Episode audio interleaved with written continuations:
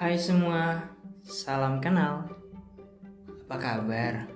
Semoga hari-hari kalian baik-baik saja ya. Oh iya, perkenalkan gue Fandi.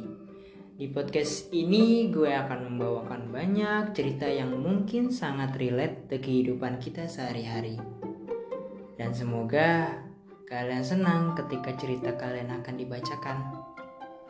Oh iya, tahu nggak kenapa gue ngebuat podcast? Hmm, mungkin alasan pertama adalah dulu cita-cita gue adalah ingin sekali menjadi penyiar radio. Ingin sekali rasanya gitu membawakan beberapa cerita atau berita yang mungkin akan sangat senang jika didengarkan oleh banyak orang.